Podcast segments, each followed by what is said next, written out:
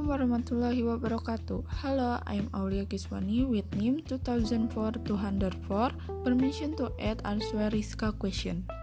Learning Pancasila and citizenship education is very needed to foster the attitude of citizens expected by the nation and is fostering a smart and good citizenship young generation because citizenship education regulate how citizens not only regulate and obey the state but also teach how citizen is must be tolerant and independent in the 4.0 industrial revolution it has fundamentally changed the way human activities have been and had, has had a major influence on the behavior and habit of citizenship, especially young.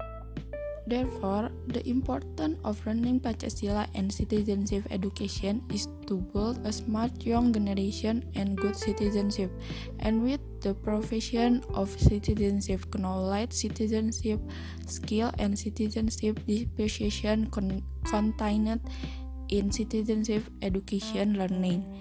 It is hoped that Indonesia citizens will be able to actively build the nation and state based on Pancasila and the 1945 Constitution.